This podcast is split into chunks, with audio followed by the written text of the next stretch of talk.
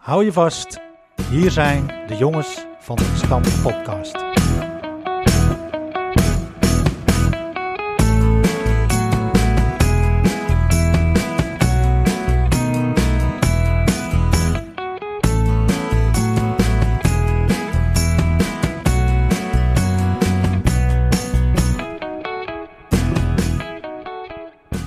Van harte welkom allemaal. En wat leuk dat je luistert naar aflevering 7 van de Jongens van de Gestampte Podcast. De Jongens van de Gestampte Podcast heeft voetbalvereniging RK Edo uit de Goren als rode draad. RK Edo is daarmee de eerste West-Friese voetbalclub met een eigen podcast. En in deze tijd brengen wij een stukje RK Edo bij je thuis. Met clubnieuws, verhalen uit de oude doos, de beste elf zonder Flippy zelf en heel veel meer. Drijvende krachten zijn Jaap Heemskerk, Philip de Rooij en Bram Laan. En wij weten ons gesteund door onze sponsor, Nifra Constructiewerken.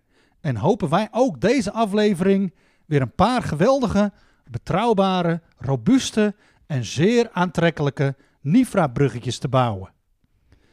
Uiteraard starten wij natuurlijk weer met de terugblik op de vorige aflevering. Uh, heeft uh, heel veel uh, reacties opgeleverd.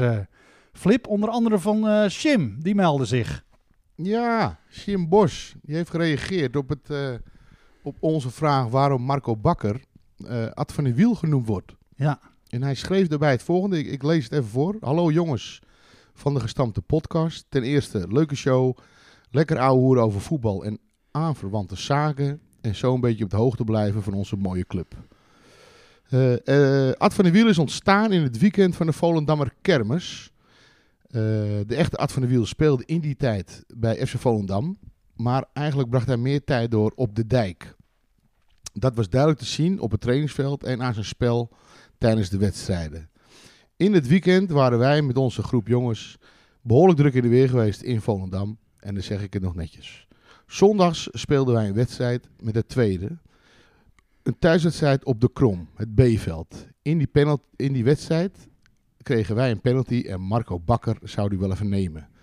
Maar die had nog niet zo heel veel zicht op de bal door het vele ja, drank van die avond ervoor. Dus hij schiet die bal ver naast, maar zo ver naast dat het niet eens een achterbal was, maar een ingooi. Het verhaal wordt natuurlijk in de loop der jaren iets overdreven.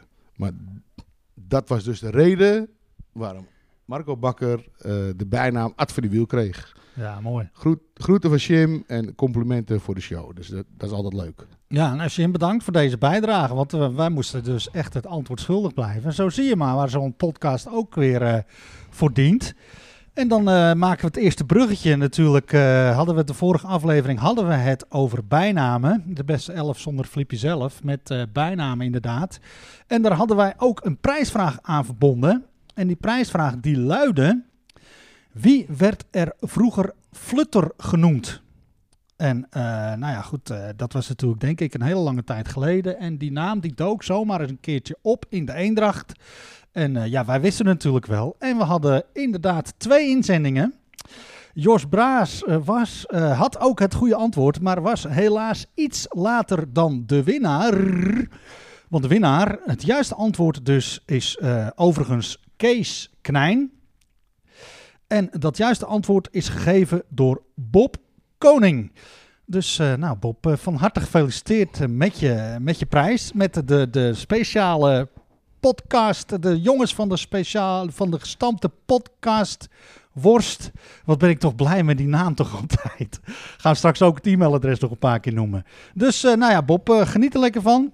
Uh, van de Worst, je hebt het uh, antwoord goed gegeven. En uh, we hebben ook nog even contact gezocht met Kees om inderdaad hem erop te attenderen. En erachter zien te komen van, ja, hoe komt het nou toch eigenlijk dat jij, dat jij Flutter werd genoemd. Maar helaas moest Kees daarop ook het antwoord schuldig blijven.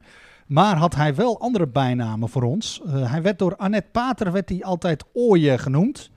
Door Marcel Klaver werd hij op school altijd Kniks genoemd. Maar uh, de, de, de meest bekende bijnaam uh, die hij uh, met name hier bij RK Edo kreeg, was toch wel Ragebol. En dat had uh, dus te maken met, uh, met zijn bos haar. Dus hadden wij dus zeg maar onze lokale Carlos uh, Valderrama hier op de club. En Kees kon verschrikkelijk hard rennen. En dan ook met dat bos haar. Dus was het al snel ragebol. Daar is nu dus weer van te zien eigenlijk. Daar is weinig meer van over. Van die snelheid bedoel ik hè? Van, ja precies, van de ragebol. En nou ja goed, Kees die komt wellicht nog verder in de uitzending ter sprake. Dus, dus daar houden we nog even wat, wat leuke anekdotes over Kees te goed. En dan kregen wij zowaar een gedicht in onze mailbox. Jazeker. Uh, we kregen diverse mailtjes en het wordt steeds, ja, ik weet het niet, populair om niet je echte naam erbij te zetten. En we kunnen ook niet op alles reageren. Maar we kregen een gedicht van een zekere Kuiltje met Jus die daar ook een e-mailadres voor heeft gemaakt met die naam. Maar ja, dat gedicht zal ik even voorlezen, want dat wil ik jullie niet onthouden. beste jongens van de gestampte podcast, hopelijk zijn jullie door deze mail verrast. En denken jullie weer even terug aan die Erke Edo bidon? Hoe kan het dat iemand dat cadeau verzon? Zonder deze geheimluisteraar met nog een andere alias te vergewissen en daarmee over de te verwachte apotheose te beslissen. Zeer terecht maakten jullie gestampte pot van die regels op Sinterklaaspapier en daarmee doen jullie de luisteraars ontzettend veel plezier. Ademloos heeft deze Piet vanuit Spanje zitten luisteren en hoefde, hoefde dankzij de avondklok geen ramen te verduisteren. Alle hens aan dek, jongens, op iedere podcast een dekseltje en daarom wacht men met spanning op nieuw bedenkseltje. Een zeer geïnteresseerde luisteraar moedigt aan om door te gaan en zo wellicht eendrachtige tijden van weleer te gaan verslaan. Bedankt alvast voor de eerste casts in tijden van voetbalhonger en publiekarmoede. Alle aliassen ten spijt, deze luisteraar is nu heel erg op zijn hoede. Gegroet met klein alaaf, een kuiltje met jus. Ja, wie dat nou is, is mij een volstrekt raadsel, compleet raadsel. Philip? Geen MB? Ik denk geen MB. Denk het niet. MB kunnen we doorstreven of is dit, is dit weer iets anders als MB? We gaan het niet meer over MB hebben als die niet, zichzelf niet meldt, toch? Nou ja, of, of de zoektocht uh, duurt, duurt nog voort naar MB. Maar goed, uh, ja, anonieme mails, deze was leuk, maar uh, ja, daar moeten we gewoon mee stoppen, jongens. Zet gewoon lekker je naam erop, want dan kunnen je gewoon met naam en toenaam bedanken voor je bijdrage. En dat deed ook de vereniging Bol. Hadden, de vereniging Bol hadden wij natuurlijk uh, getagd in onze berichtgeving over Pieter Bas. De speler die uh, in dienst was van uh, de Koninklijke HFC en die in de voorbereiding op een wedstrijd een, een, bal op het hoofd van Frans Adelaar schoot. En dat was natuurlijk wel een schitterende leuke anekdote. En Pieter Bas heeft ook geluisterd. Uh, er zijn een hoop van, uh, van de voetbalvereniging Bol die geluisterd hebben. Want uh, dat kan niet anders. Want er werd precies even verteld in welke minuut het verhaal van Pieter Bas begon. En ja, dat is natuurlijk erg leuk om op die manier ook nog genoemd te worden. En hadden we Walter nog, Flip? Walter, ja, Walter Verlangen, de vader van James. Die heeft gereageerd en bedankt dat hij de geboorte van James kenbaar gemaakt is. Hij vindt het erg leuk om naar te luisteren. We zien het ook een beetje aan de luistercijfers. Hè. Het wordt steeds meer. Ja. Hey, nou was de vorige aflevering natuurlijk wel heel speciaal met een fantastisch mooi stuk uh, door Jaap geschreven over Maria Brix. Maar ja, we krijgen echt uh, complimenten. Erik Kleiboer heb ik gesproken, Rick Bol nogmaals gesproken, Marcel Haan. Ja, ze zijn allemaal enthousiast. Hartstikke ja, leuk. Tof, hartstikke tof. Nou ja, mocht je inderdaad uh, ook willen reageren op onze uitzending dan kan het natuurlijk op ons e-mailadres de jongens van de gestampte podcast at gmail.com. En uh, ja, dat, uh, dan krijgen wij er ook weer heel veel zin in en gaan wij hier nog heel lang mee door. Gaan wij door naar het laatste nieuws. ook in deze voetballoze periode hebben wij nog nieuws. Maar Jaap, die heeft ook nog een opmerking. Nou, ik wil nog even terugkomen voordat we naar het laatste nieuws gaan op de vorige aflevering. Want ik liet een stilte. Ik liet een stilte vallen toen Philip eh, begon over het slipje van Katja Schuurman. En of ik, oh, heb je er nog, zei hij. Maar ik was gewoon even aan het denken van, hoe zit dat ook alweer Waar bij lag die... hij? Waar, waar heb ik hem? Waar, nee, ja, precies. hè, ligt hij nog onder mijn bed? Nee, eh, ik, eh, ik zat even te denken, wie heeft hem toen gekocht op die eh, veiling tijdens het Edo 6-gala in Averhoorn? En eh, ja, eh, Ingelijst, hè? een jaar later, want eh, of, of- ja, volgens mij was dat een jaar later bij de laatste Edo 6-veiling. Toen verscheen er ook een krant, de eh 6 Next. En daarin stond natuurlijk eh, het juiste antwoord van waar, waar die is. Het was geen vraag of zo, maar eh, ja, dat zal ik jullie even, even, even mededelen hoe het ook alweer zat. Dat stukje wat daarin eh, stond heette Edo 6 Merchandise, Hip of Hype. En dat doe ik via een tikkie terug, waarvan we er drie hebben in deze podcast. En dat is om te vieren dat we een eh, geweldige, door Patrick eh, gemaakte nieuwe tune hebben. Speciaal voor tikkie terug.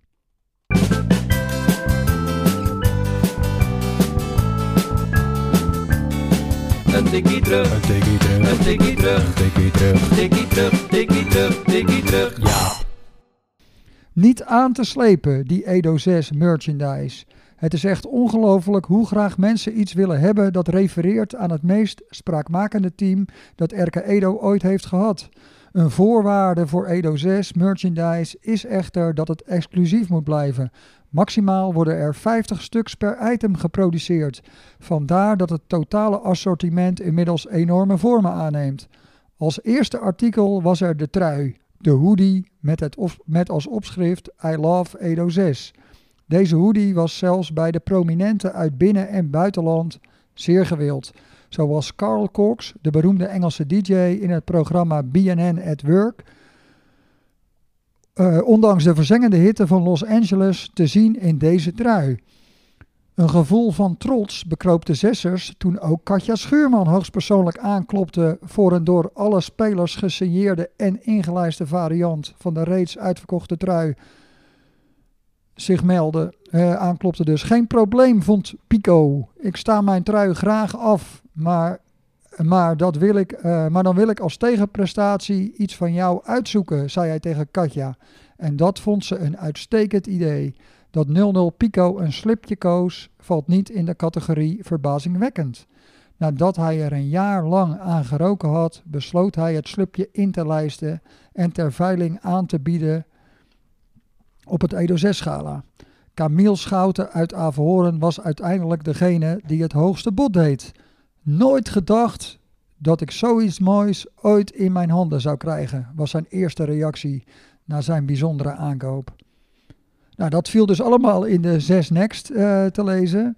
En ik heb eh, Camille even gebeld of hij hem nog heeft. Maar eh, ja, hij hangt ingelijst en wel prominent in zijn eigen kroeg aan het West, die hij daar gebouwd heeft. In zijn huis. En ja, hij is er nog altijd trots op dat hij dat veiling item heeft gekocht. En dat hij daarmee de Bart Foundation heeft gesteund. Ja.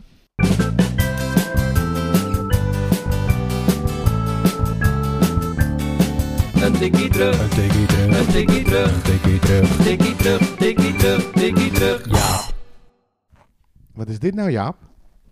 Wat, Ja, ik eh, dacht, eh, jij een tune, ik een tune. No. En Bram? En nu?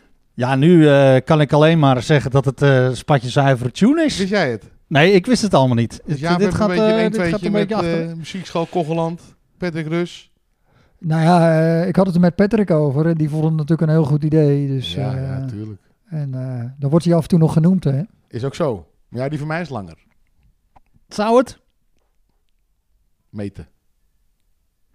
Nou, eh, ik weet het niet. Maar eh, het zou kunnen. We gaan... eh, we gaan Tune, hè, heb ik het over. Hè? Ja, nee. eh, Voor ik hier iets op tafel leg. Nou ja, in ieder geval, ehm, ik vind hem heel mooi. Orgeljoken Patrick, een beetje, hè? or- Orgeljoken. Ja, echt eh, hulde. Echt weer goed gedaan. en dat past ook prima bij Tikkie terug, hè? Die, eh, Ja. die sound. Die sound inderdaad, top man. Beetje Die vibe. retro. En dan gaan we nu naar het laatste nieuws. Dan kunnen we naar het laatste nieuws. Kunnen we naar het laatste nieuws. Hebben we wel nieuws? Ja, we hebben ondanks dat er eh, eh, nog geen competitie wordt gespeeld, ondanks dat er weinig gevoetbald wordt. Nou ja, competitieberichtgeving is natuurlijk bekend. Is er evengoed nog wel een hoop nieuws. Want eh, wij hebben ook sinds deze week, of sinds vorige week, hebben wij eh, een Instagram pagina. Dus je kunt ons vanaf nu dus ook volgen op Instagram. En dat kan je natuurlijk ook gewoon doen. Eh, nou ja, tik je in eh, de jongens van de gestampte podcast. En daar zie je allemaal eh, leuke foto's. En eh, ja, we gaan dat assortiment foto's natuurlijk eh, nog meer uitbreiden. En eh, ja, het is ook leuk om op die manier eh, op, de, op de hoogte te blijven van onze belevenissen. Ja, en dan hoort u het misschien al wel een beetje aan het geroezemoes eh, om ons heen. Eh, wij zitten in de bestuurskamer bij RK Edo. En momenteel wordt er eh, volop getraind. De onder 19 loopt nu het veld op. En ja, de, de, de, onder de meisjes van de onder 15 die, die komen net het terrein op. En ik kwam net Stefan nog tegen. Stefan Reus met de jongens. Die hebben ook weer lekker getraind. Dus het kan allemaal weer. De blije vrouwen van dames 3 zijn begonnen. 15 vrouwen vol met gezelligheid. John nog eventjes gesproken, John Zuurveen. En ook een topopkomst werkelijk bij de overige senioren. Afgelopen vrijdag. Afgelopen vrijdag waren er gewoon 32 mensen die daar eh, getraind hebben om in, in shape te blijven. De selectie is eh, afgelopen zondag eh, ook gestart. Eh, met onder andere, dat is wel leuk om te vermelden, drie spelers van de JO 16-1. Te weten Matthijs van der Veer, Bart Ridder en Kai Reus. Maar helaas eh, was Kai eh, in, in quarantaine. Dus ook trouwens een, een hoge, hoge opkomst. En ja, ondanks corona hebben wij, heel, doen wij natuurlijk heel veel activiteiten met heel veel commissies. En wij hebben heel veel vertrouwen ontvangen van het bedrijf AZ Benelux. Eh, zij zijn een producent van zelfsmerige, zelfsmerende plugafsluiters, beklede kleppen, monsternamensystemen, omschakelcombinaties en andere bijbehorende apparatuur.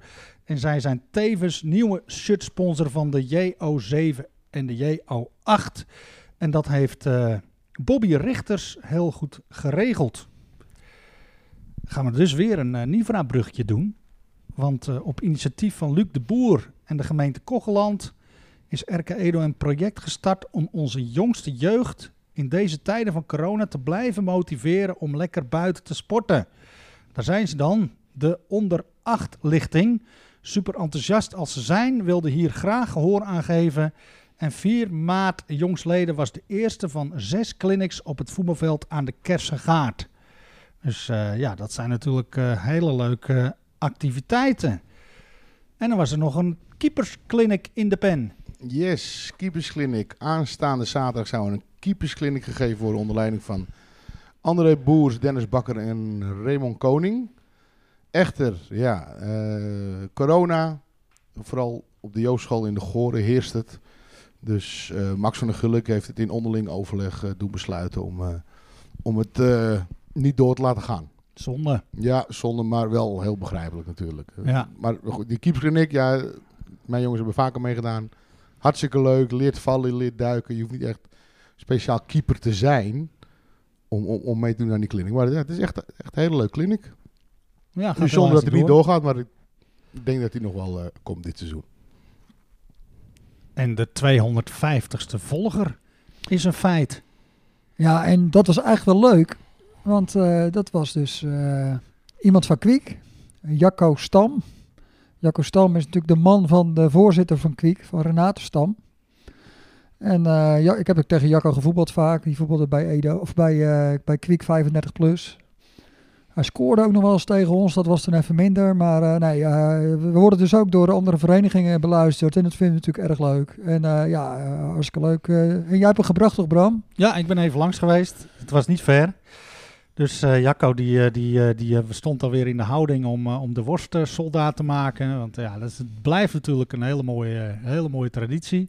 We raken wel een beetje door de worsten heen. Dus we moeten weer even nieuwe aangeschaft worden voor, voor de zoveelste volger. En er zal ongetwijfeld ook deze editie zal er weer een prijsvraag komen. Dus, uh, Sam Brood of de HEMA heeft ja, zich nog niet gemeld. Hier en daar is een balletje op gaan uh, werken. Nee, want, oh, ja, een balletje. Worstje opgooien. ja, worstje opgooien. Uh, ja, mocht je je naam willen verbinden aan onze worst die wij uitreiken aan, aan zoveelste volgers of winnaars van de prijsvraag dan kan je je melden bij een van ons drieën of gewoon via ons e-mailadres de jongens van de gestampte podcast at. Nou ja, onze blik eh, viel eigenlijk ook nog op de sociale kanalen. Want eh, wat lazen wij nou op Facebook is dat eh, een van onze leden, eh, RK Edo 4 voetballer, maar dat niet alleen. eh, hij eh, was trainer eh, van de onder eh, 17, als ik, als ik me niet vergis. De onder 17 inderdaad, samen met eh, Mark de Groot. Hij eh, heeft eh, keeperstraining gedaan, samen met Tamara onder andere. En hij is natuurlijk ook eh, scheidsrechter eh, eh, geweest bij ons, eh, of nog steeds. En eh, in feite een voetballer ook van Edo 4.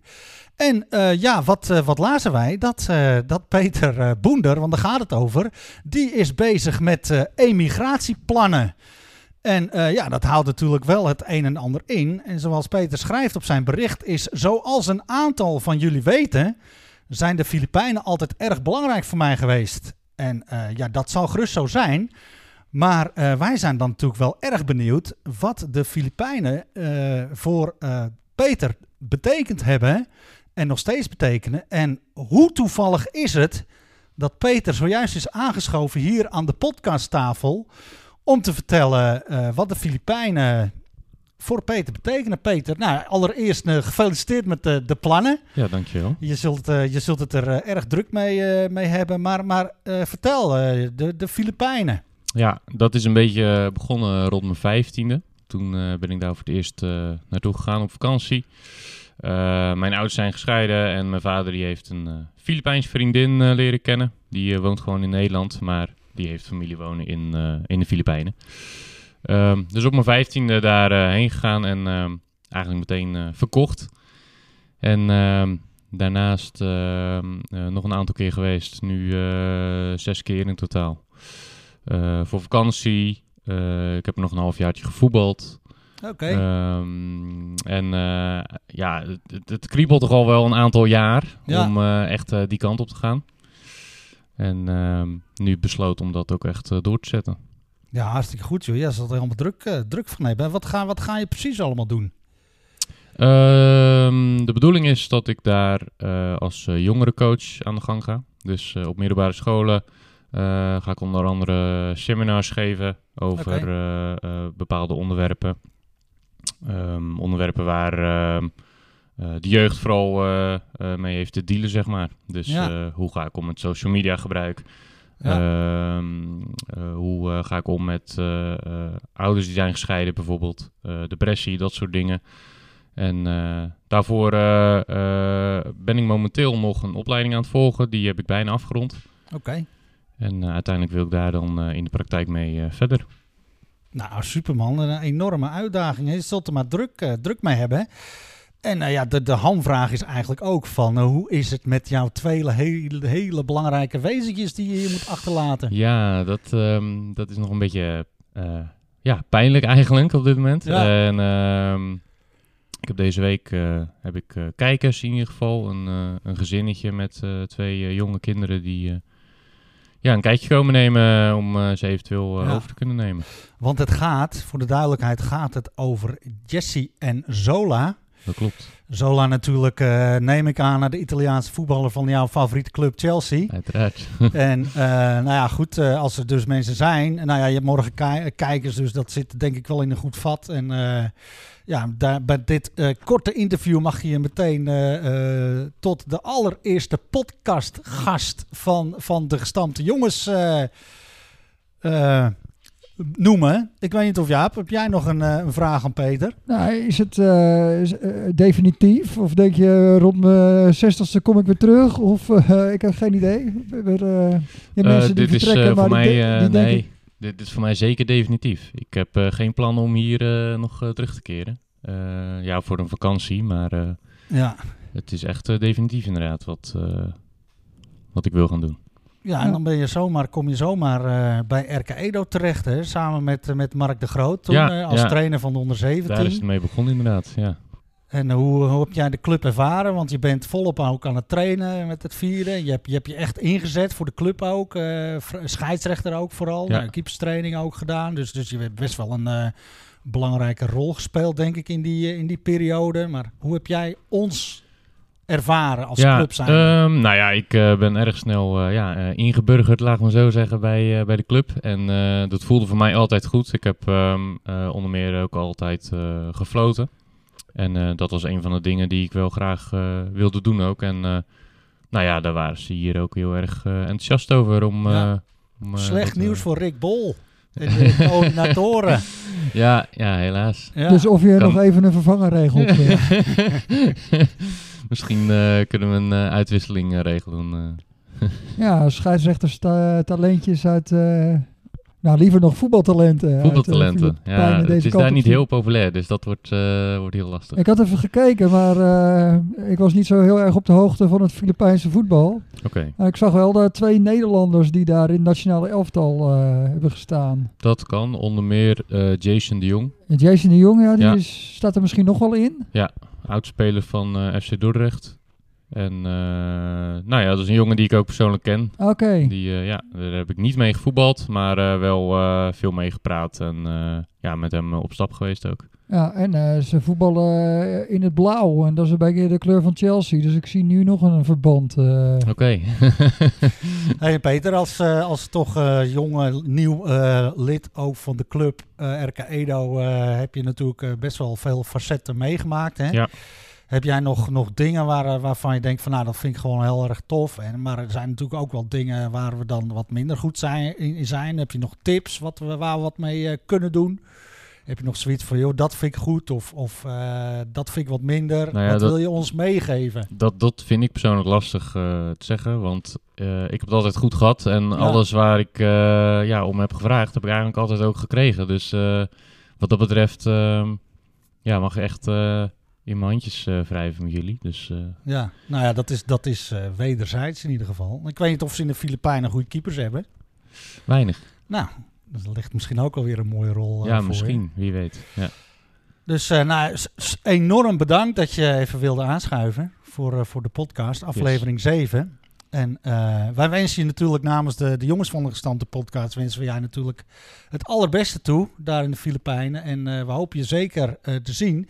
Het voordeel is van deze podcast dat die dus ook gewoon in de Filipijnen te beluisteren is. Dus Kijk, dat is mooi. Je zult, wij zullen het niet uit het hart raken, om het maar even zo te zeggen. Dus nogmaals super bedankt en hou je haaks. Yes, graag gedaan.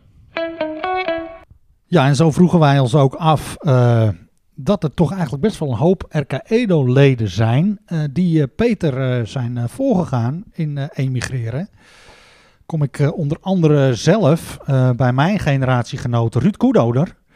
Die is naar Duitsland vertrokken en dat was mijn oude Radio eh, Acapulco eh, maat en ook voetbalmaat. En ja, Klaus Verdiepen is, is naar Duitsland gegaan. Naar Emsdetten zit hij nu. Rob Vlaar, echt een, een, een, eh, de spits toen de tijd van de C1, die toen met, met vlag en wimpel kampioen werd ergens eh, eind jaren 70. En eh, dan ook nog Peter de Dekker. Er was toen een hele grote delegatie jongens die, die een bepaalde periode naar Duitsland ging. In de bloemen. Peter de Dekker, die zit ook in Emsdetten in Duitsland. Het broertje van onze Albert. Dus dat is wel leuk. Hebben jullie er nog een paar? Peter Blank. Amerika. Zeker. Merel Knijn. Ibiza. Rita's Cantina. Ja. Jack Blom. Die is al een hele tijd weg hoor. Jak. Jak. Jack, eh, ik, weet niet eens, ik weet niet eens dat Jak gevoetbald heeft. Ja, ik heb vroeger met Jack gevoetbald en ik spreek Erik nog wel eens in Hans. De- dat zijn de goede vrienden van Jack. Maar, maar Jack- Jak woont in Noorwegen, toch? Noorwegen, en- maar die droomt al in het Noors. zo, zo, zo lang is hij al weg uit Nederland. Ja. Nog meer? Matthijs Blom, Australië, ergens vlakbij eh, Melbourne zit hij. ook in de bloemen. We hebben wel veel bloemengasten allemaal. Hè? Rob Dekker. Groos Heide. En ik kreeg van Perl, eh, die kwam ik tegen van de week. En die kwam nog met oom Rob. Rob Grootman. Broer van Hans. Ja. Scheermes. Dan, eh, ja, dan zijn we er toch wel bijna. Ja, ik, eh, ik weet er nog wel één. Heb ik even uitgezocht. Want eh, ik dacht, Gerrit Koning. Zegt dat jullie wat? Zeg mij niks. Niet zo 1, 2, 3. Eh, dat bedoel ik niet de vader van, eh, van Spencer, van Frank. En eh, de opa van, eh, van eh, onze secretaris. Is Van is van het liedje? Ze noemen me Gerrit. ik ben Gerrit, nee, dat is. Gerrit Dekzeil. Oh, de- Waar eh, trouwens, nu je er toch over begint, eh, Edo 3 vroeger nog wel eens een eh, clublied, een eh, teamlied over heeft geschreven. Onverdroten, dat zijn wij van het derde. Maar dat is misschien een ideetje voor een latere, latere eh, uitzending. Nee, Gerrit Koning is eh, een broer van Toon Koning, de vader van Jeroen. ja, En die is in 1953 naar Canada vertrokken. En ik vroeg me af of hij bij Erke Edo had gevoetbald. Dat heb ik even uitgezocht. Dus ik had eerst Jeroen gevraagd. En eh, nou ja, die wist het niet. En eh, Jeroen zijn moeder, die wist het niet. Maar hij ging het aan zijn tante vragen. En die tante is dan weer de vader, of de moeder, sorry, van eh, Jan de Visser. En Ja. voor de mensen die het niet weten, Jan AZ. Ja, AZ. En welke clubs nog meer? Feyenoord, En nog Heerenveen. eentje, je slaat er één over. Zwaluwe, Heerenveen. Tussen AZ en Feyenoord. Heerenveen, denk ik. Heerenveen. Ja, ja. Hij heeft eh, 397 wedstrijden in het betaald voetbal gespeeld. Kijk, Waarvan de 302 in de eredivisie. het zijn er 397 meer als mij. 32 doelpunten in betaald voetbal. 22 in de eredivisie. 10 in de eerste Ja, divisie bij keurig. AZ. Heerenveen. volgens mij nu, niet? Ja, volgens mij ook. Maar goed, eh, die eh, moeder dus van, eh, van Jan de Visser. Dat is dus een zus van die Gerrit Koning waar ik het over heb. Die, is, eh, die heeft hem gebeld om te vragen of hij bij Edo gevoetbald had. Dat we wisten eigenlijk niet helemaal goed. Meer allemaal, ja, zij dacht natuurlijk van wel. Maar eh, ondertussen ging ik zelf ook even op onderzoek uit. En ik vond eh, de eerste oude ledenlijst die ik vond, was uit 1952. En daar stonden twee Gerrit Koningen op. De vader van Frank. En, en deze. En deze, hoor. Hoe oud is deze man? Hij is nu 88 jaar. Zo. Maar goed, in ieder geval, eh, daar stond de, de jongste op die ledenlijst, was van 1940. En dat was Nico Koning, de vader van Jacco. Maar Ja. toen, mocht je ook, toen was je dus ook 12, toen mocht ik pas lid worden in die tijd van de club. Dat was bij Warmünde, waar, in Warmond, waar ik dus vandaan kom, was dat ook zo. Want ik vroeg het nog even aan mijn vader. Die zegt, ja, want mijn broer, die onder mijn vader zit, die wilde heel graag op voetbal. En die loog een jaar. Want anders mocht hij er niet op. Dus die zat met z'n elfde op voetbal. Maar goed, in ieder geval, ik kwam dat dus tegen. En op dat moment belt Jeroen mij dat ik dat voor me had. Eh, en toen zegt Jeroen, ja, eh, mijn tante die heeft hem gesproken. En eh, hij heeft zeker gevoetbald, acht jaar. Dus die is gewoon op zijn twaalfde begonnen tot zijn twintigste toen hij vertrok. En hij heeft ook een aantal wedstrijden in het eerste gespeeld. En dan speelde hij met RK Edo Corrivé als Joop Berghout, Theo Koning, Siem Verschagen, Dirk Groteman. Jan Mooi. En ja, De Boel. Theo Koning. ja, maar ik weet Moet haast wel, denk ik. de Bels, hè? Nee, de maar ik Bels. weet- Oh ja, de ik- Bels. eh, niet de, Bels. Boel, maar de Bels. Maar eh, naast eh, dat hij in het eerste heeft gespeeld, heeft hij natuurlijk in de jeugd ook gespeeld. En hij vertelde dat hij in een kampioenswedstrijd twee doelpunten had gemaakt. Maar die verloren ze uiteindelijk met 3-2 tegen Always Forward. En dat was, eigenlijk was dat wel een heel mooi poeltje. Dat was in de A1, of hoe je dat toen ook noemde. Maar het was in ieder geval het vlaggenschip van onze club, van de jeugd. Vlaggenschip van de jeugd van onze club. En ze zaten bij eh, Sint Victor, Sint George, Sint Bavo. Dat is nou eh, Dynamo, denk ik. Woudia, Blokkers en West-Friese in de pool. En dus Forward. En Edo en Forward wonnen alles. Ze wonnen één keer van elkaar. Dus ze hadden één keer verloren en de rest allemaal gewonnen. En toen speelden ze een, een beslissingswedstrijd tegen elkaar. Nou ja, Gerrit scoorde dus twee doelpunten. Maar het was net niet genoeg. Maar eh, waarom ik eh, eh, dit wist van Gerrit Koning... was omdat we naar de Hiha Hondenlul Show gingen, Bram. Drie jaar geleden in januari. Met Bob Harmsen en Jeroen. Klopt. En Jeroen vertelde toen in de auto op de heenweg richting Haarlem dat zijn oom had meegedaan aan de Olympische Spelen. En Ja, die kwam klopt, uit voor Canada. En dat vond ik eigenlijk wel zo interessant dat drie jaar geleden met de Olympische Spelen, toen heb ik hem opgebeld in Canada. En eh, daar heb ik een stukje geschreven voor de krant. En dat zal ik nu even, even voorlezen.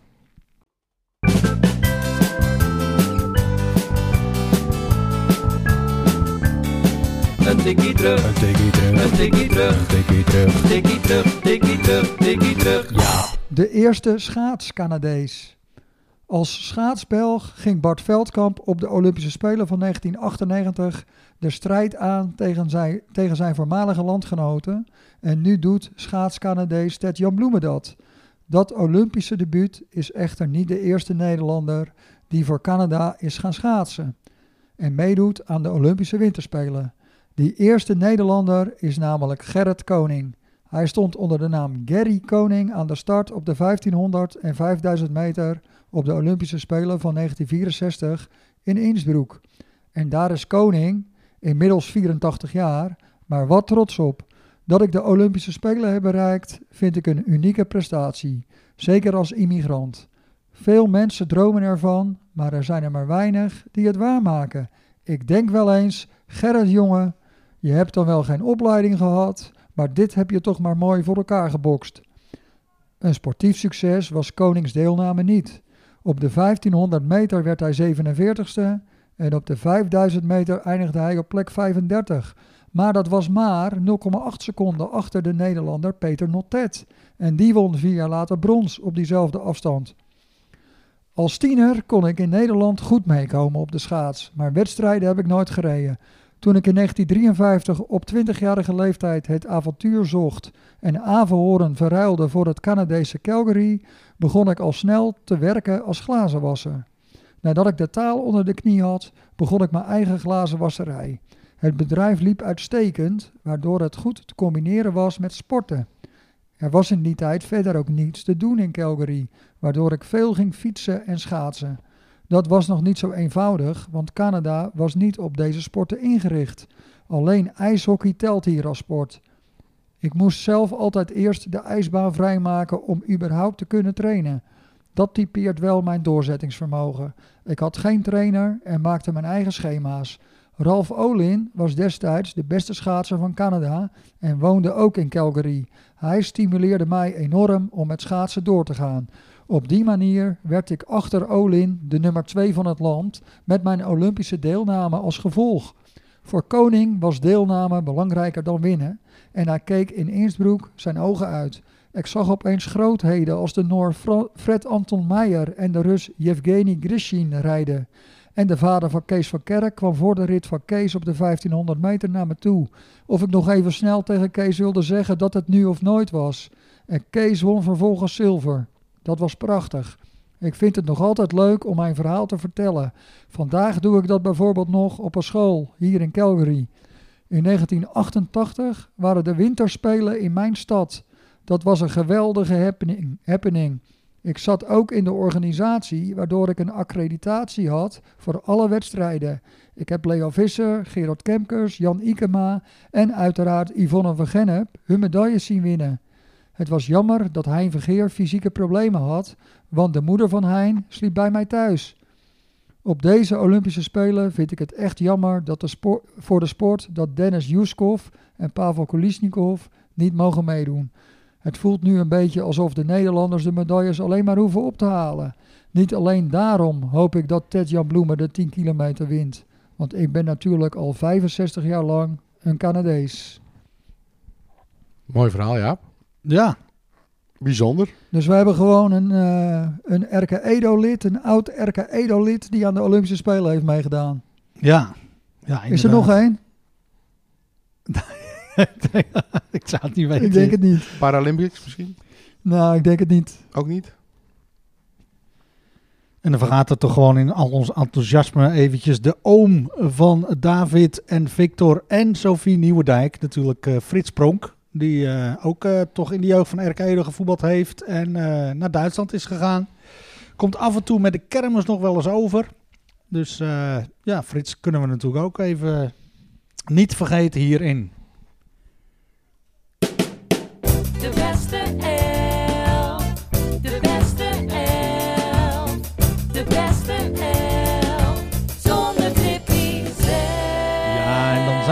Dus weer aanbeland bij eh, toch nog wel een, een, een heel, heel erg uit de kluiten gegroeide rubriek. De beste elf zonder Flippy zelf.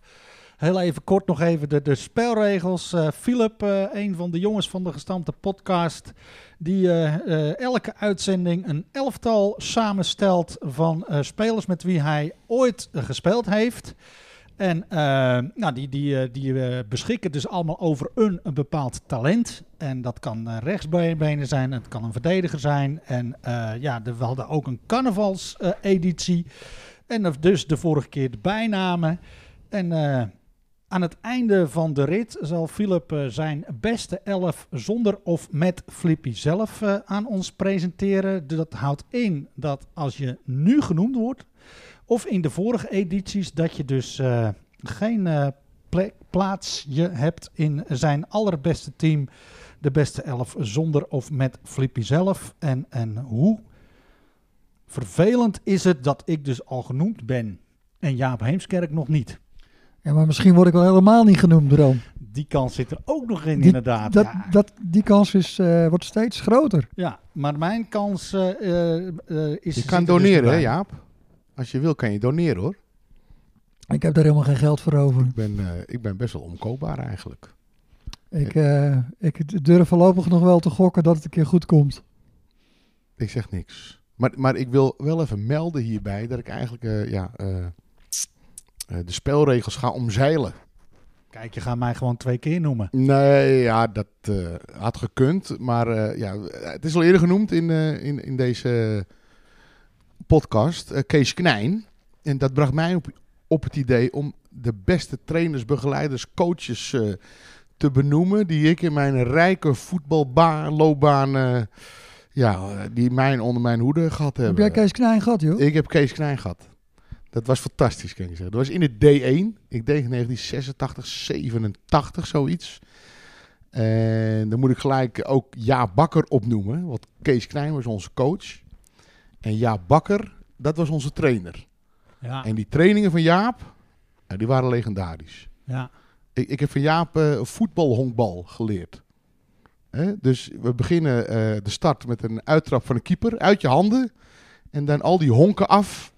Nou weet je, en daar kon Jaap ons natuurlijk eh, verschrikkelijk mee belonen. Als wij een goede wedstrijd gespeeld hadden. Dan gingen we voetbalhonkbal. Dat is een beetje een trainingsmethode van Johan Cruijff, denk ik, of Ja, niet? ja, dat denk ik. die was een goede honkballer, hè? die moest kiezen. Jaap was samen met Kees, ja, toen trainer, begeleider. En hij kon je ook vreselijk op je donder geven. En dan kwam je in de rust, kwam je dan in de kleedkamer. Nou, Kees was even wat milder misschien als Jaap.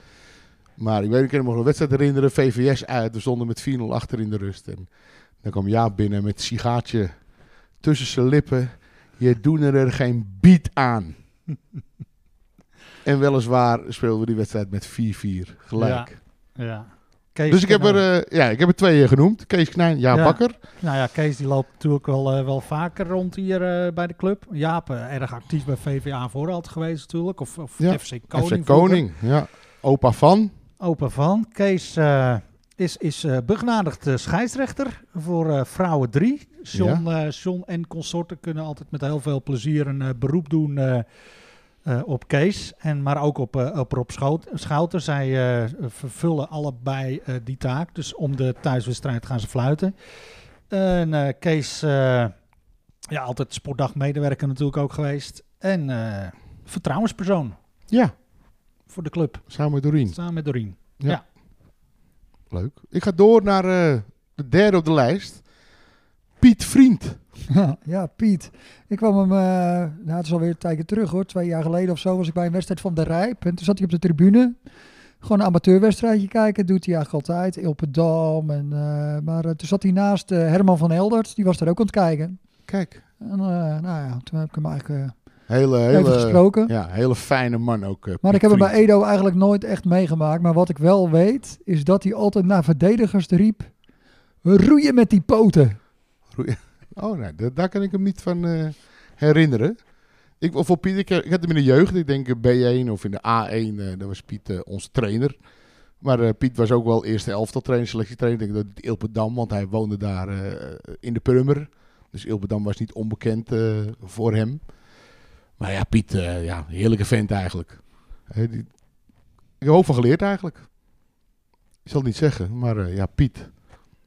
Piet was vroeger boer, hè Jaap? Ik weet niet of jij hem... eh, Ja, hè, dat weet ik. ja? Weet je wat hij nu doet?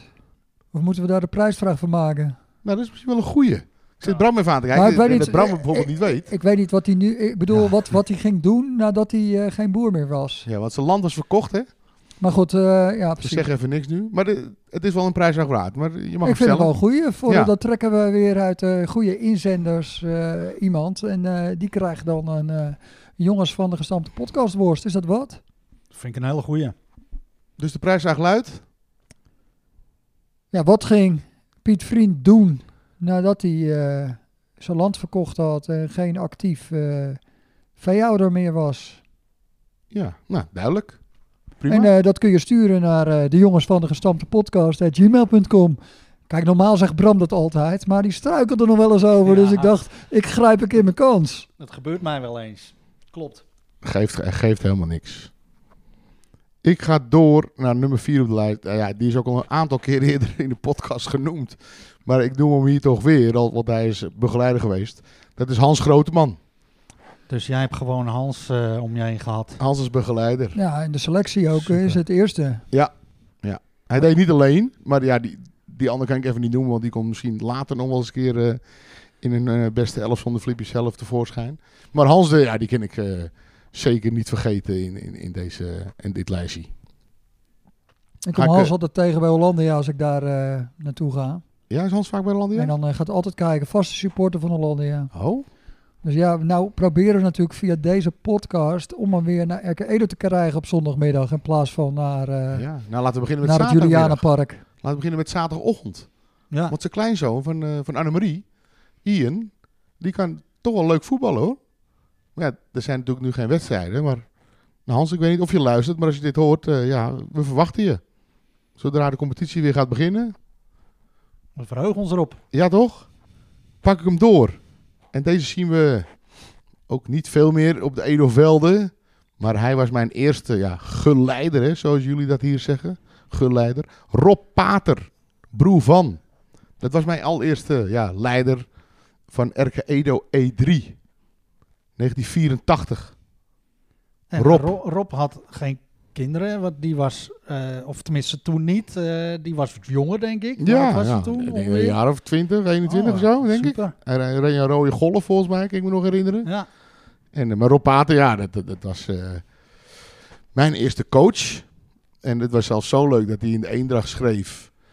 Ook in 84 hadden we een, een toernooitje daar bij het eh, gymzaaltje Jacob Bakkerstraat. En eh, dit is winterstop. En eh, allemaal uitgenodigd daar in, in, in, het sportzaaltje. Maar mijn achternaam was nog niet, niet bekend hier zo. Dus toen kregen we de vermelding van alle teams. En dan zie je de namen staan. Ronald Bakker en Patrick Schouten, Steven Vlaar, Sander Glander of Ted Bakker. En Philip. en voor de rest niks. Maar wel gewonnen, dat Wel. toernooi. Dus maar Rob, ja, blijft speciaal voor mij. Maar we hebben ook geen andere Philip bij de club gehad, denk ik ooit. Nee, dat denk ik ook niet. Wel een andere Flip, maar geen andere Philip. En de volgende die ik ga noemen, ja, die kennen jullie allemaal. En de- dat is misschien wel het mooiste seizoen geweest wat ik ooit gevoetbald heb. Dat is, ja, Bert Blank. nou, Bert. Ik, ja. weet, ik weet dat hij luistert. Ja, eh, nou ja, mooi dat hij luistert. Nou, en Bert, joh, eh, fantastisch. Daar hebben we natuurlijk zeker een hele mooie tijd mee gehad. En zeker dat seizoen 2001, 2002, maar ook die andere jaren met Bert was top. Ja, absoluut. En eh, ja, weet je wat ook top was? Gewoon, dan zaten we na de training op donderdag in de kantine en dan eh, ging de kantine sluiten. En dan gingen we toch best wel vaak bij Bert nog zitten. Zeker. En dan werd het gerust vier uur. Met Pieter Berkhout en eh Ging je zo vroeg weg dan, ja? Ste- Ja, dan ging ik om vier uur al weg. Stefan Vlaar, eh, Maurits, Mark Ja. Poland. Ja, ja. John Braas. Gewoon, eh, maar ja, dat was altijd fantastisch. En gewoon alleen maar lullen over voetbal. Ja. En eh er kwam geen eind aan. En ik weet nog wel, met Stefan ook, dat hij een keer volgens mij ook half vijf thuis kwam. Nou ja, we zaten niet aan een colaatje, laat ik het zo zeggen. En eh, die moest de volgende dag weer naar zijn werk. En dan fietste hij naar eh Scharwoude. Dan pakte hij de bus naar Amsterdam, want hij werkte in Amsterdam. En toen nam hij een keer eh, niet zijn werktas mee, maar zijn voetbaltas. Nou jongen. Per ongeluk. Ja. Zou je zijn laptop even pakken? er zaten er voetbalschoenen in. Dat is een mooi verhaal, maar dat was wel bij Bert Blank. Ja, Bert. Dat was vanaf Bert, ja. En ik denk bij een heleboel van onze generatie dan, die, die Bert toch wel hoog in het vaandel hebben staan. Als voetbaltrainer, want het was natuurlijk uniek in dat jaar. Hè, Edo 1 en Edo 2 kampioen. Met Bert.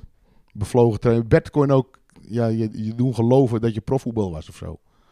Dat idee gaf hij mij altijd. Nou, hij benaderde het gewoon en hij had Ajax-trainingen. Maar hij ging ook eh, de ballen wassen in bad. Hè? Waren altijd schone ballen. Nou, ze voor mij altijd wel schoon, maar Bert had altijd schone ballen. Maar dat was gewoon uniek. Bert, Bertje. Hè? Gerry nog erbij. Gerry Prins. Ja, Graag. Zeker. maar die spreken Ook elkaar. topfan, hè? ja, die spreken elkaar ook nog. Ja, leuk. Dus, ja, maar Bert mag ook niet ontbreken in het lijstje. Nee, man, joh, daar kan je toch ook gewoon een hele aflevering mee vullen. Ja, we, we moeten hem een keer uitnodigen. Ja. Ik denk dat hij dat hartstikke leuk zou vinden. Maar eh, even geduld, Bert. eh, daar heb je wel begrip voor. Eh, dan ga ik door naar de volgende. Eh, en dit is ook speciaal. Dat is de man die, die mij de eerste basisplek gaf in Edo 1. En dat is uh, Tom Wijmar. Kijk, niet de minste. Nee, absoluut niet. Dat was echt een trainer. We hadden het net al over een eh RK Edo, oud RK Edo lid die eh, op de Olympische Spelen is geweest. Ja. Tenminste, ik ben daar ook geweest, maar die daadwerkelijk heeft deelgenomen. Maar eh, Ton Wijmer, wist je dat hij met een WK heeft meegedaan? Een wereldkampioenschap voetbal. Met militairen? Militairen, ja. Ik, als ik me niet vergis, 1968 in Bagdad. Zo. Halve finale uitgeschakeld. Ik dacht door Griekenland, maar ik kan het ook mis hebben. En eh, ja, eh, Jan Verbever op doel. Allemaal toppers. En eh, Ton stond linksback. Oh, dat zijn, was de buitenspeler. dat zijn wel de beste. Hij was eigenlijk aanvaller, Ja, Flank. klopt. linksbuiten. Maar het is wel een fantastische trainer, hè? Tom Wijmer. Ajax. In de jeugd van Ajax gespeeld. Voor mij zat hij net achter Kruif. En daardoor heeft hij eigenlijk nooit... eh, ja, voor mij één wedstrijd gespeeld bij Ajax. Eén wedstrijd. Ja. En toen ging hij eh, na twee jaar Ajax-selectie ging hij naar Wageningen. Als ik me niet vergis. En drie jaar Wageningen. eh, en toen raakte hij zwaar geblesseerd. En toen werd het RK Edo. Nee, eh, toen eh, was in ieder geval zijn profcarrière eh, voorbij. Ik weet niet precies welk jaar hij hier eh, terecht kwam. Nou, ik denk... Ja... Eind jaren zeventig denk ik dat hij Ja, in ik weet de niet. Ik terecht in ieder eh, geval ver voor mijn tijd. Maar Ja. Maar goed, ik, ik wil hem graag noemen. Die man, dat blijft speciaal. Hij is inmiddels eh, niet meer woonachtig hier zo, maar hij is nog wel, heb ik begrepen. nou, zijn Tom dochter Wijmer. heb je natuurlijk nog lang gevoetbald. Evelien, ja, ja, ja. Tom Wijmer. Eh, nummer 8 op mijn lijstje. Jack de Weert. Jack de Weert, jongens. Hé? Ja, Dat is hem, Eh, hè? Lid van verdiensten bij onze club. Zeker. ja. Ja. Nou, Jack geen trainer, maar begeleider, hè? Nou, hij heeft er ook, eh Jack heeft ook vaak op het veld gestaan. eh, toen, toen ook voor de jeugd. Weet ik. Dus hij, hij staat wel eens op het veld. Eh, hij heeft Tom, Tom van den Berg toen re- redelijk vaak eh, bijgestaan. En ja, voor de rest is het natuurlijk een op en top begeleider. Eh, Ja, Shirtjes klaarleggen, ballen oppompen, Lekker omheen te steert om de Ja. selectie heen. safje doen. Maar eh, dan heb je er, want ik denk dat je met Bert Blank ook gevoetbald hebt, eh Philip. Ik heb met Bert ook wel gevoetbald. Ja, dat was met- het eerste wat mij altijd ingefluisterd werd. Op, Maar met Jack de Weert heb je ook met Jack de Weert heb gevoetbald. ik ook gevoetbald. 7 tegen Ja, 7. ja, dus eigenlijk is er weer geen eh, inbreuk op de spelregels. Eh, ja, de trainers deden ook wel een potje mee natuurlijk. Ja. Maar Jack de Wit 70-7 inderdaad, Jack. Of Jaap. En dat ken niet eh Dat- toch nog best wel. Ik dat- keek voor hem op. Ja. Ik bedoel, dat viel niet tegen. Nee, absoluut niet. Dat je dacht van, ah, hij kon het inderdaad wel vroeger. En ziet het op- nog terug. Op Bert dan, want als wij vroeger dan, weet je, een jaar of 16, 17 mocht je met selectie mee trainen. Dan werd de eerste in die kleedkamer gezegd, jongens, is Bert blanker? Nee, Bert is er vandaag niet, jongens. Dan kunnen we de schemerschermers aflaten. Ja. Zo werd het gezegd. Hè? Bert was natuurlijk spijkerrad als voetballer. Hè? Echt de laatste man, coachen. En, hij kon eh, goed, eh, om, Pie- om Piet Vriend eh, te citeren, hij kon, goed, hij kon goed roeien met die poten. Roeien, ja. Maar Jack de Weert, ja, ook een jarenlang begeleider geweest van Edo 2, van Edo 1. En ja, Ja. lid van verdiensten, zullen Ja, jullie en al als je allemaal moet gaan opnoemen wat hij hier allemaal deed. Ja, terreindienst. Op de- zaterdagmorgen, maar ook elke. Volgens mij kwam hij voor corona hier ook nog regelmatig een bakje doen Ja. eh, met, eh, met Albert en, eh, enzovoorts. Dus, eh, en was hij eh, altijd op eh, zaterdagmorgen in de bestuurskamer eh, gezellig bakje te doen, Ja, dingen te regelen, dingen Ja. te fixen. En, ja, mooie keuze. En als we het toch over leden van verdiensten hebben. Ja, Bram. Nou, Dan moet ik, van, Dan moet ik Eduard Seuren opnoemen. natuurlijk. Eduard Seuren is mijn begeleider of coach eh, van Edo 2 geweest. Samen met Ad Groot als vlagger. Maar dat waren ook geweldige jaren hoor. Eh, en Ed, ja. De anekdotes hè. Ja, hij had zo het plakboek erbij. Daar kan je ook weer een aflevering mee vullen. Alle schorsingen, alle doelpunten. Ja. Hij heeft met de vader van Frank en Ronald de Boer gevoetbald. Maar eh, ja, Eduard Seuren, ja, prima coach. Altijd gezellig, altijd lachen. Hij, hij heeft ons ook nog wel eens eh, flink in, in de maling genomen, weet ik. John Bos en mij. Wij hadden ook een wedstrijd eh, uit bij MFC. Hebben wij eh, Eduard even in, in het ootje genomen, zeg maar. Maar hij, het duurde niet lang of hij had ons vakkundig teruggepakt. In die tijd waren net die mobiele telefoons eh, die waren uit. En Eduard Seuren had er alleen, ook voor, vanwege zijn werk. En hij doet na de net of hij Paul Verre aan de telefoon hebt. Dat de twee jongens tijdens de warming-up van Edo 1 eh, door hun eh, enkels waren gegaan vanwege het slechte veld. En of eh, John Bos en ik met spoed naar het veld van Spartaan in Wochten wilden rijden. Dus, eh, John Bos nog in zo'n eh, zwarte Sirocco. Nou, ik moet zeggen, dat ding ging best hard. En wij waren ergens, eh, ik denk bij West-Friesia of zo. Een snelle broodje kaas en, eh, en een AA'tje. En dan gingen we als een speer gingen we naar Wochten. En dan kwamen we daar in de kleedkamer van, nou staan we in de basis, staan we in de basis. Maar daar bleek dus helemaal niks van waar, weet je wel. Fantastisch. Ja, het dat is zeker. afgelast is ook zo'n geuze, eh, gewoon geuze afspraak. Ja. Dat die uitspraak dat hij altijd zei, nee hoor, het is, het is afgelast. En, eh, nou, en natuurlijk opa van, hè? Opa van, Thijs en Jess, en Nicky en eh Donna. Donna, vader van. vader van. je. Schoonvader van. Schoonvader van. Ja, Ja. leuk dat je hem erbij hebt. Flip. Ja, die moet ik eh, absoluut noemen. En eh, natuurlijk de gastheer als het gaat eh, om thuiswedstrijden van het eerste. Hè? Want wie is, wie is ons visitekaartje van de club, eh, hè? op de zondagmiddag? André Schouten. André Schouten. Samen met André natuurlijk. En eh, ja, dat zorgt altijd wel voor een, eh, voor een glimlach. Voor, met name voor de gasten. Van eh, met hoeveel komen jullie vandaag? Of eh, komen jullie nog met de bus? Altijd een praatje. Ja, Wat ik, wat wel ik wel jammer vind bij Ed altijd, is dat hij is eigenlijk altijd aanwezig op een jaarvergadering. En dat zo'n man met zoveel kennis en zoveel visie nou nooit eens eh, een eh, vraag heeft tijdens de rondvraag of zo. Dat is wel een beetje zonde. hè? jammer. Ja, zonde. en Ja. anders lopen die vergaderingen zo uit. Ja. Zou je maar hij denken? mag best wel wat vragen Ja, stellen. we kunnen via wil. deze podcast er toch wel eh, gewoon even eh, Aansporen. om Ja. voortaan gewoon met een vraag te komen. Want daar zitten we natuurlijk op te wachten. Ja, en hij kan toch wel e-mailen of niet? Ja, ja, ja. Dus hij, wat is onze e-mailadres, Bram? De jongens van de gestampte podcast at gmail.com. Nou, Eduard, als je die onthoudt en eh, met ons vragen, dan moet het vast goed komen. Dan ga ik door. Deze man heb ik al jaren niet meer gezien. Maar ik wil hem toch benoemen, want hij was eh, mijn coach in de C2. En dat wil zeggen, de coach van de C2. Toen ik in de D1 speelde, die speelde altijd 's ochtends. Eh, dan kon je smiddags mooi met een andere juniorenteam meedoen. Je had gewoon drie handdoeken altijd mee op de zaterdag. Ja, bewijs van wel. Maar dat, dat is eh, Willem Klaver. Hè? Ja. Mooie vent, dat is fantastisch. Echt een, eh, een, een, een, een Edo Vierman ook, hè? ja, Bamboe elftal. klopt. En, Met dat matje. Ja, en hoe hij ook bij Ed- Edo is gekomen, dat is eh, de, de vraag, denk je. Want eh, wat is het een eh, de Gorenaar? Hij woont op de Noorddijk, dacht Ja, ik. inderdaad. Ja, dat kan makkelijk natuurlijk. Maar waar hij vandaan komt, weet ik niet. Overigens senior. Ik heb nog eens een keer inderdaad met hem gevoetbald bij SVW uit. Want toen zou ons derde elftal degraderen. Daar speelde ik toen in. Toen werden er allerlei corifeeën werden er... eh, Ik weet dat Ron er Timmer meedeed. gehaald. Peter de Jong volgens mij. De Jij. corifeeën die konden allemaal niet. Dus vroegen ze Willem en dan vroegen ze mij en Tom Kramer onder andere.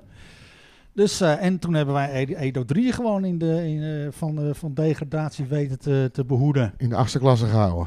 Ja, dus, eh, en daar was Willem er ook eh Nou, eentje van. Philip, dat was zeker niet de achtste klasse toen hoor. Oh, reserve achterklasse. Ik denk zesde of zevende. Oh, nou ja, prima. Maar Ik ja, weet niet hoe het toen was. Nee, toen was nog afdelingsvoetbal. Ja. Maar eh, dat was nog best wel eh, aardige tegenstanders die wij toen hadden. Maar ik ga het nog eens opzoeken. De punten waren in ieder geval broodnodig. En die waren ook ik voor nog een jullie. penalty. Jezus. Kan dat nou? Ja, zenuw hè. De beste, geloof mij. Ja. Maar Willem Klaver, ja, ik vond het altijd een mooi vent. En daarom heb ik ook in, eh, in dit lijstje gezet. Eh, ik weet niet of Willem dit luistert of dat als iemand Willem nog spreekt. Maar dat doen me ja, de hartelijke groeten, zeg maar. En ik wil afsluiten met eh, Martin Glim.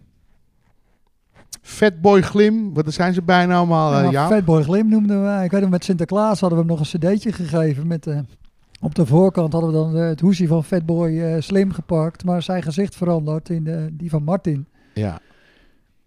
Ik vond het een hele eh, ja, fijne trainer, eh, leuke vent.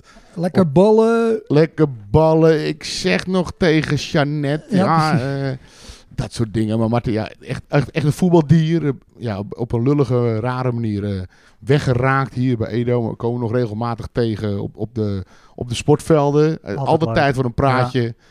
Altijd leuk met Martin. En ja, Nou, de laatste eh, wedstrijd waar ik nog geweest ben, dat was eh, op de dinsdag in oktober. Ik weet de datum even niet precies. Was iets van 14 oktober of zo, denk ik. Ehm, toen was er een wedstrijd DTS eh op het douche. op Pardoes, waar Martin trainer is. En daar ben ik heen geweest. En die wedstrijd die begon om 7 uur. Maar om, of tenminste, ja, om half acht begon die wedstrijd. Maar om 7 uur was die persconferentie van Rutte. Waarin die aankondigde dat er dus niet meer gevoetbald mocht worden. Lockdown. Maar dat ging, maar je wist, je wist het niet. Er waren, het was natuurlijk alweer uitgelekt allemaal. Maar ja, eh, dan sta je er wel voor. Van moeten we nou naar eh Oud-Karspel rijden of niet? Dus ik had Martin al even gebeld. En hoe staan jullie ervoor? Maar ja, ze gingen natuurlijk gewoon die wedstrijd in alsof er niks aan de hand was. Je moet wel. Maar ja, dat mocht dan niet baten, want ze verloren dik. Maar eh, ja, dat is de laatste keer dat ik hem gezien heb. Vijf, ja, 14 en 15 o- oktober of zo. Trainer van Opperdoes. Nee, een leuke, leuke trainer. Het is een mooi lijstje, toch jongens? Leuker, Zeker. lijstje inderdaad. Ja. En, en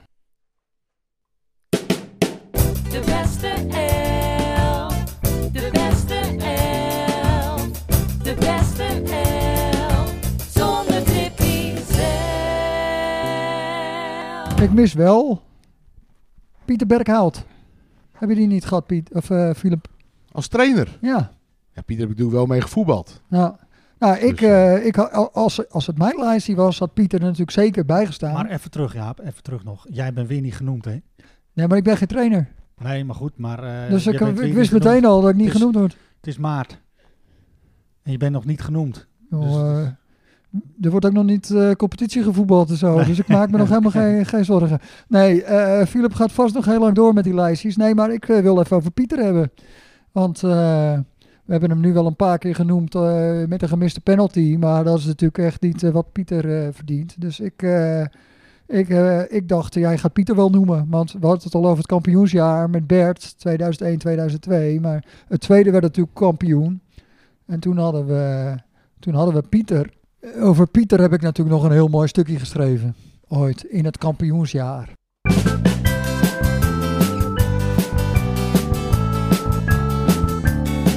Een tikkie terug, Een tikkie terug, een tikkie terug, een tikkie terug. tikkie terug, tikkie terug, tikkie terug. Ja. Het twintigste streepje. Het is kwart over één, schreeuwde ik onthutst. Ik liet mijn tas vallen en snikkend stortte ik me in mijn kussen. Voor het eerst te laat voor trainen. En nog wel vandaag. Vertel me nu eens wat er aan de hand is. Ik had mijn moeder niet de trap op horen komen. Wat is nu precies het probleem? Ze ging naast me op bed zitten. Snotterend kwam ik overeind. Met mijn mouw veegde ik langs mijn neus en nam een slokje water, dat ze voor me had ingeschonken. Ajax moet vanavond tegen FC Basel voetballen voor de Europa Cup. En Basel heeft een geheim wapen, een speliecoach. Een speliecoach? Ja, FC Basel he- heeft er een en Ajax niet. En op tv zeiden ze dat in de tweede helft het geheime wapen komt en Cruijff wordt aan de ketting gelegd. Ik nam een slok water en gaf het glas aan mijn moeder. Vannacht droomde ik dat die speliecoach een harig monster is met schoenmaat 59. Overal waar de speliecoach liep begon het te sneeuwen en het at Ajax op. Ik barstte weer in snikken uit.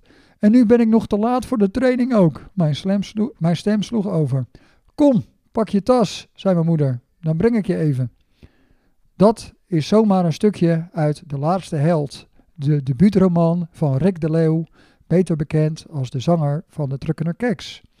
Nadat Barry Hulshoff de 3-0 inkopte en Basel verslagen was en een speliecoach een speelgerechtigde, speelgerechtigde trainer-coach bleek te zijn, was het jochie gerustgesteld. Die speliecoach was trouwens Benthouse, maar niet alleen Basel. Ook in Engeland zag je ze vroeger veel. We weten het nog van Chelsea met Gullit en later Vialli. En in Frankrijk vervulde Adik Cote deze rol bij Kaan en Kan. Er zijn dus voorbeelden genoeg. En ook het tweede van Erke Edo kreeg in 2001 een speliecoach. We hadden als coach afscheid genomen van Bolly en kregen daar Pieter voor in de plaats. Met Pieter Berghout als kerstve- kerstverse speler-coach zaten we op 16 september voor aanvang van de eerste competitiewedstrijd in de bestuurskamer. Pieter vertelde ons dat we kampioen moesten worden en dat het heel simpel is. Hij zei: Je hebt 22 wedstrijden. Als je die allemaal wint, ben je kampioen. Geen spel tussen te krijgen, maar daarvoor kreeg hij van ons natuurlijk de handen nog niet op elkaar. Om zijn woorden dan ook kracht bij te zetten, schreef hij met hoofdletters het acht-letterwoord kampioen op het bord. Elk streepje staat voor één wedstrijd. Het was even stil. En toen zei ik: Ik tel maar 21 streepjes, Pieter. En hier zat ons erelid natuurlijk op te wachten. Het puntje op de i is het 22e streepje, zei hij, terwijl hij met een rode stift de daad bij het woord voegde. Met Pieter draaiden we een geweldig seizoen. Op 14 april waren we al kampioen. En we begonnen die zondag aan het 20ste streepje. West-Friesia was een van onze concurrenten voor de titel. Maar na twee verliespartijen in maart en een gelijkspel op 7 april, april stonden ze inmiddels op 10 punten achterstand. Dat nam niet weg dat wij die dag een lastige uitwedstrijd in Enkhuizen hadden. We moesten het zonder Mark Boots en onze spelie-coach doen, die furoren gingen maken in het eerste. Maar zoals Gullit vlak daarvoor had gezegd voor internationale tegen Feyenoord, je moet niet kijken naar de afwezigen, je moet het doen met de spelers die je hebt. En Feyenoord haalde de finale. De zon scheen die dag volop in Enkhuizen en wij prezen ons dan ook gelukkig met mooi weervoetballer Bart Smal. We wonnen met 1-3 en Bart maakte met twee schitterende treffers, beide uit een onmogelijke hoek, het verschil. André Blank, onze voorzitter, stond in Enkhuizen langs de lijn en had contact met DWB. In de Weren werd namelijk DWB KGB gespeeld en als DWB zou winnen, zouden wij al kampioen zijn. KGB won echter met 3-7, zodat de voorzitter de bloemen een weekje in de koelcel moest zetten. Want een week later zouden wij in de voorlaatste speelronde het kampioenschap tijdens de kermis op grootse wijze grijpen. En daar hoefden we niet eens het puntje voor op de i te zetten.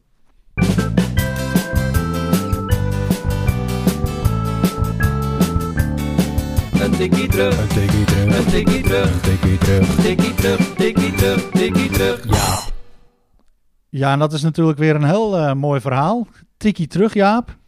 En tot slot feliciteren wij oudspeelster en RK Edo Lady Legend Manouk Bakker en oudkeeper van RK Edo 3, 4, 5 en 6. En natuurlijk gitaarvirtuoos Nick Huiberts met de geboorte van zoon Guus.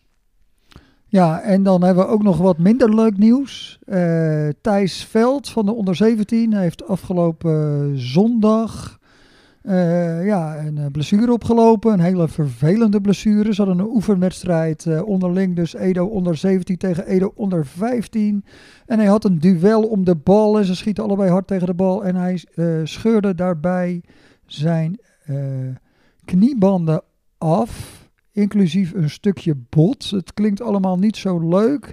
Eh, ik vermoed dat er een operatie gaat komen. Dus ik wil eigenlijk eh, de luisteraars oproepen om eh, allemaal even een van harte beterschapkaart naar Thijs te sturen. Want het zal je maar gebeuren. Hij was net één dag weer naar school geweest.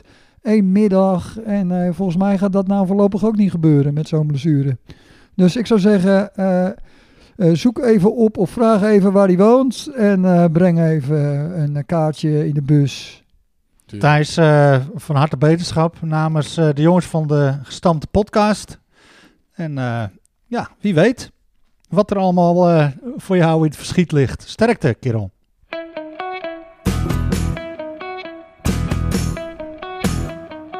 En eh, zijn wij aan het einde gekomen van, eh, van deze podcast, aflevering 7 alweer.